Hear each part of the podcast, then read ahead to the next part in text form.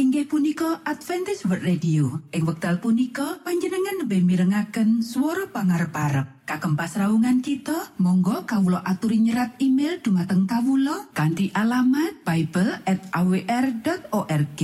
Utawi panjenengan uki saged layanan kalian kawulo lumantar WhatsApp Kanti nomor plus setunggal saget layanan kalian kawulo kalh kalh sekawan kalh kalh kalih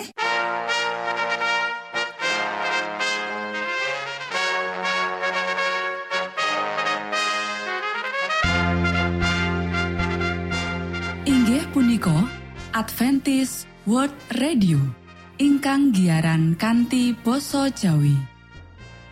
Tentrem Rahayu Kulo aturaken kagem poro Mitra kinasih ing pundi papan lan panggonan. Sugeng pepanggian malih kalian Adventis World Radio. Kanti bingahing manah Kulo badi sesarengan kalian poro Mitra kinasih lumantar saperangan adicara ingkang sampun rinonce mligi kagem panjenengan sami. Mugi giaran punika saged migunani tuwin dados berkah kagem kita sedaya. Sugeng midhangetaken Gusti amberkahi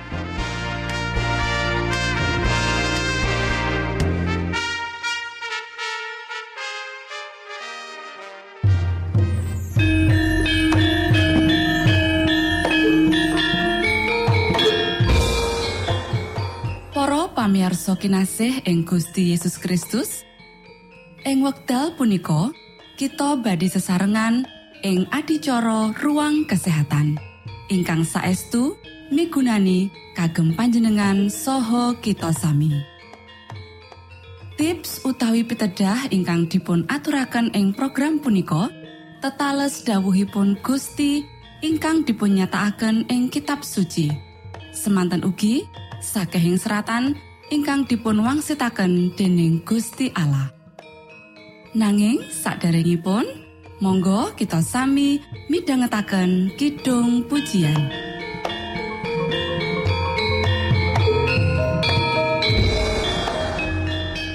Monggo Gustiku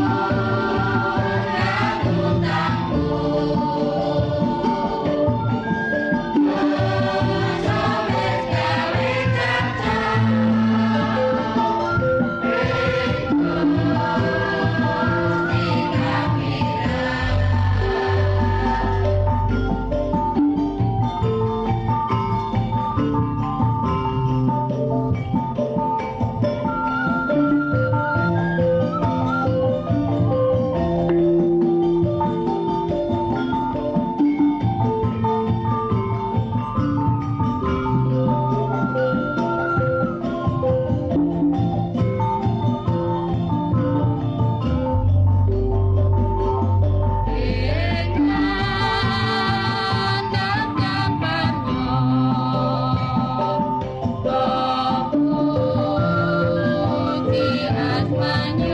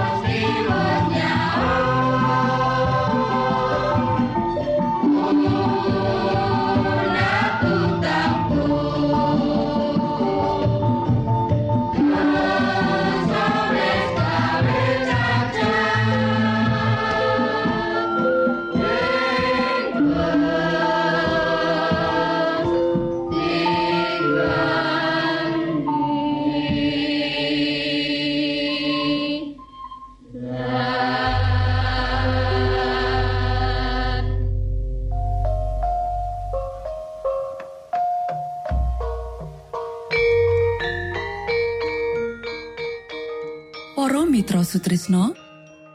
Puji syukur dumateng Gusti ingkang murbeng dumati ingkang sampun kepareng paring wewenngan kagem kita. Satemah saged nglajengaken ruang kesehatan. Pirembakan kita semangke kanthi irah-irahan. Pengaruh marang kapisan betakake lan mutusake perangan loro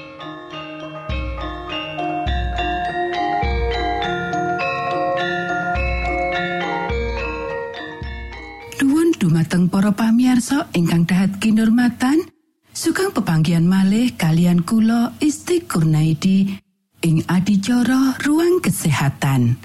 Dinten punika kanthi irah-irahan pengaruh marang kapisan betakake lan mutusake perangan loro. Para sedherek ingkang kinasih saperangan wong ngolok-olok pakaryan reformasi iki lan ngandhakake iku ora perlu menawa iku sawijining rangsangan kanggo ngalihake pikiran saka kebenaran wektu iki. Dheweke ngandhakake menawa bab iku banget digedhek-gedhekke. Wong kaya iku ora ngerti apa sing dikandhakake. Sawetara pria lan wanita sing ngaku saleh kena leloro wiwit saka bathuk sirah nganti menyang telamaan sikil sawetara tenaga badan pikiran lan roh diringkehake amarga kemareman hawa nepsu lan pakaryan sing kabotan kepiye dheweke bisa nenimbang bukti-bukti kabeneran lan memahami kabeh tuntutan Gusti Allah? Menawa kuasa moral lan intelek wis diapusi dheweke ora bisa ngajeni ajine pedamaian utawa sifat pakaryaning Gusti Allah sing diagungake iku lan ora seneng uga nyinaoni sabdane. Kepiye sawijining wong sing ngalami gangguan saraf siap menehi wangsulan marang saben wong sing takon ngenani dasar-dasar imane kanthi sabar lan rasa wedi. Sepira cepete wong iku bakal dadi bingung lan goyang lan kanthi imajinasine sing wis kabur apa dheweke bisa dituntun kanggo ndeleng kabeh perkara sangisore padang sing babar pisan salah lan kanthi kurangi kesabaran lan ketenangan sing nandani urip Kristus Apa bisa wong iku nolak pranyatane sawetara ngadepi sawijining wong sing ora duwe akal? Kanggo ndeleng kabeh perkara saka pojok ukuran agama sing dhuwur, kita kudu dadi reformator sing nastiti supaya bisa dadi kaya Sang Kristus. Aku ndeleng menawa Rama kita ing swarga wis maringi berkah gede marang kita, yaiku pepadang reformasi kesehatan supaya kita bisa nuruti tuntutane marang kita. Lan ngluhurake panjenengane sakjroning jiwa raga kita sing ya iku kagungane lan pungkasane kita bisa ngadeg tanpa cacat ing ngarsane tahtaning Gusti. Iman kita nuntut supaya kita ndhuwurake standar lan melangkah maju. Sawetara akeh wong sing nakokake arah sing dituju reformator kesehatan liyane, minangka wong sing duweni akal sehat, dheweke kudu nglakokake samubarang. Bangsa kita ana sakjroning kahanan kang nyedihake amarga nandang maneka warna leloro. Akeh wong wis nandang leloro. Dheweke banget sangsara amarga pakulinan-pakulinan salah saka wong tuane. Nanging dheweke tetep menuruti dalan sing salah lan anak-anake nusul. Dheweke ketipan leloro lan ora nyadari menawa pakulinane sing salah nekakake kasangsaran gede. Ono pirang-pirang wong sing cukup memahami kepiye pakulinan-pakulinan mangane sing sesambungan karo kesehatan, tabiat, kagunaane ing donya iki lan tujuane sing langgeng. Aku ndeleng menawa ya iku tugas kanggo dheweke sing wis nampa pepadang saka swarga lan sing wis nampa kauntungan menawa mlaku ing sakjroning kanggo nyatakake kepinginan sing luwih gedhe kanggo wong-wong sing isih nandang sangsara amarga kurang pangerten. Para pangrumat sahabat sing wis ngenteni karawuhan juru wilujeng, kutune dadi wong sing ora nyatakake kurangi minat sakjroning pakaryan reformasi sing gedhe iki. Pria lan wanita kutune dididik lan para pendeta lan wong awam kudu rumangsa menawa beban pakaryan iku manggon ana dheweke kanggo mulangake lan negesake marang wong liya. Para sederek, pakulinan-pakulinan fisik, nyokong peranan wigati kanggo kemajuan saben wong. Luwih teliti kowe sakjroning papanganan, luwih prasaja lan tanpa bahan perangsang, mula luwih mantep pertahanan badan sakjroning kegiatan sing seimbang lan luwih cetha konsep ngenani kewajibanmu. Saben pakulinan lan praktek urip kudu diteliti kanthi nastiti supaya karinggihan badan ojo nudungi kabeh samu barang. Matur nuwun, Gusti amberkahi.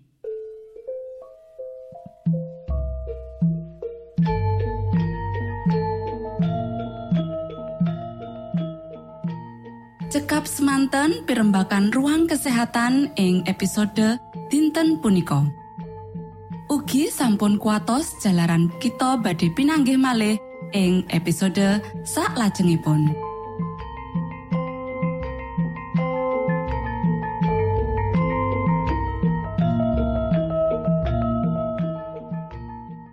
Inggih punika adicara ruang kesehatan. Menawi panjenengan gadah pitakenan utawi ngersakaken katrangan ingkang langkung, monggo kulo aturi. Kinton email dateng alamat ejcawr gmail.com utawi lumantar WhatsApp kanti nomor 025 pitu 00 songo songo papat 00 pitu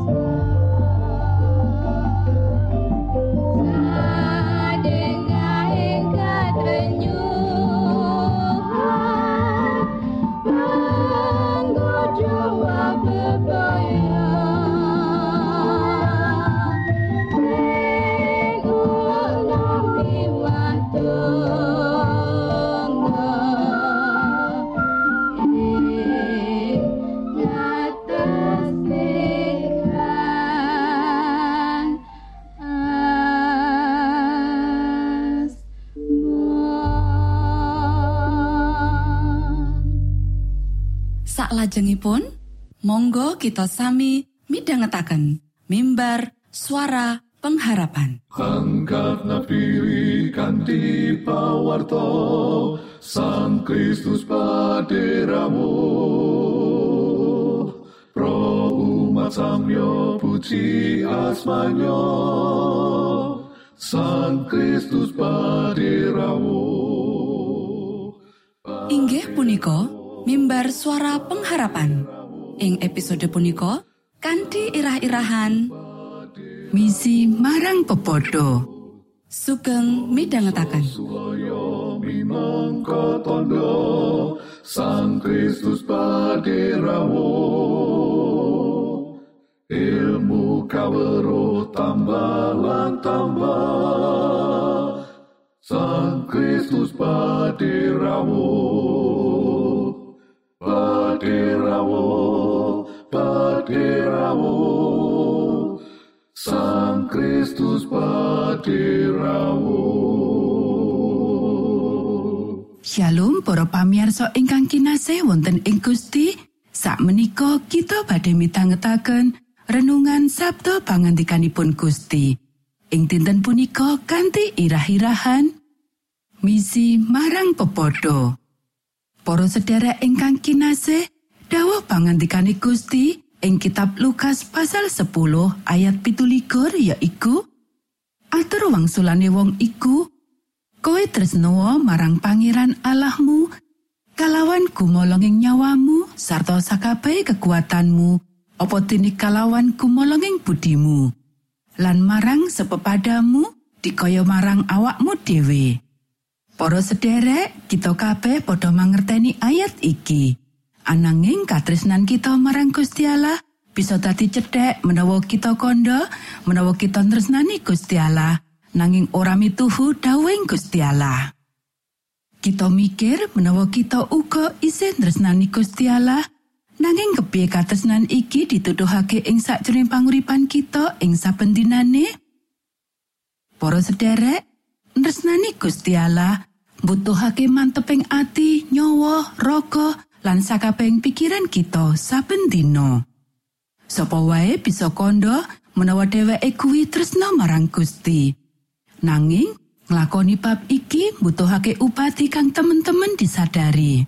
Nanging senadyan tresna marang Gusti Allah kuwi apik lan wigati, Gusti Allah ngersakake supaya kita uga tresnani marang pepodo kita. Awit katresnan kita marang pepodo nggambarake katresnan kita marang Gusti Allah lan iku bener-bener katon ing sakjroning cara kang bener-bener nyoto lan duweni pangaribawa kang kuat. Para sedherek ingkang kinasih, ing kitab Yohanan pasal papat ayat rong puluh keserat. Menawa ana wong kang muni, aku tresno marang Gusti Allah, mongko sengit marang sedulure, iku wong goroh. Awit wong kang ora tresno marang sedulure kang kasat mripat, Kapiye anggone bisa tresno marang Gusti Allah kang ora katon? Rasul Paulus uga ngendika ing kitab Galati pasal 5 ayat 14. Sabab angger-anggering Toret kabeh iku kacakup ing pangandika siji iki, yaiku sira tresno marang ing sapepadanira dikaya marang awak ira dhewe. Monggo kita sami ndedonga. Duh Rama kawula ingkang wonten ing swarga, asma patuko mugi kasucikaken. Kraton patuko mugi rawuh, karso patuko mugi kalampahan wonten ing bumi, kados dene wonten ing swarga. Kawula mugi kaparingan rejeki kawula sak cekapipun ing dinten punika. So patuko mugi ngapunten kalepatan kawula, kados dene kawula inggih ngapunteni tetiang ingkang kalepatan dhateng kawula. Punapa dene kawula mugi sampun ngantos katantukaken dhateng ing panggoda nanging mugi sami patuko uwalaken saking piawon. Awit patuko ingkang kagungan kraton saha wisesa tuwin kamulyan salami laminipun. Amin.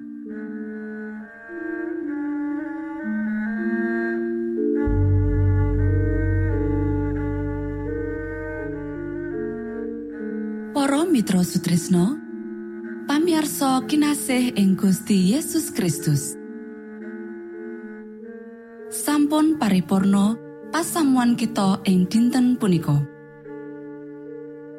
Menawi panjenengan gadah pitakenan utawi ngersakaken seri pelajaran Alkitab suara nubuatan, Monggo Kulo aturi kinton email dateng alamat ejcawr at gmail.com utawi lumantar WhatsApp kanti nomor 025 pitu 00 songo songo papat 00 pitu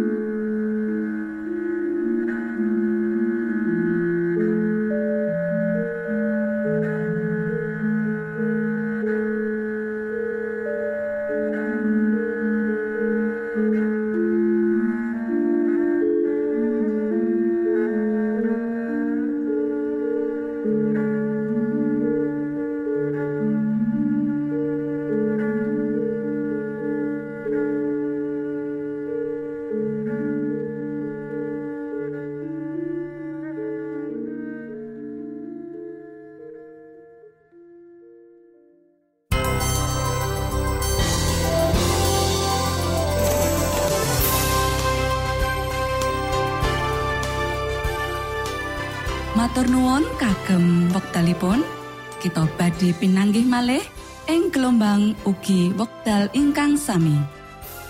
Saking studio kula ngaturaken tentrem rahayu. Gusti amberkahi kita sedaya. Maranata.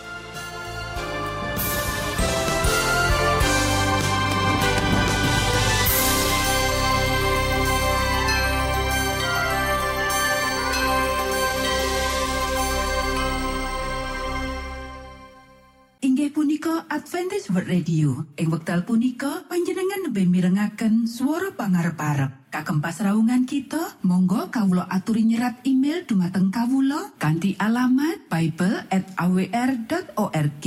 Utawi panjenengan ugi saged layanan kalian kawula lumantar WhatsApp kanthi nomor plus setunggal saged layanan kalian kawula kalih kalih sekawan kalih kalih kalih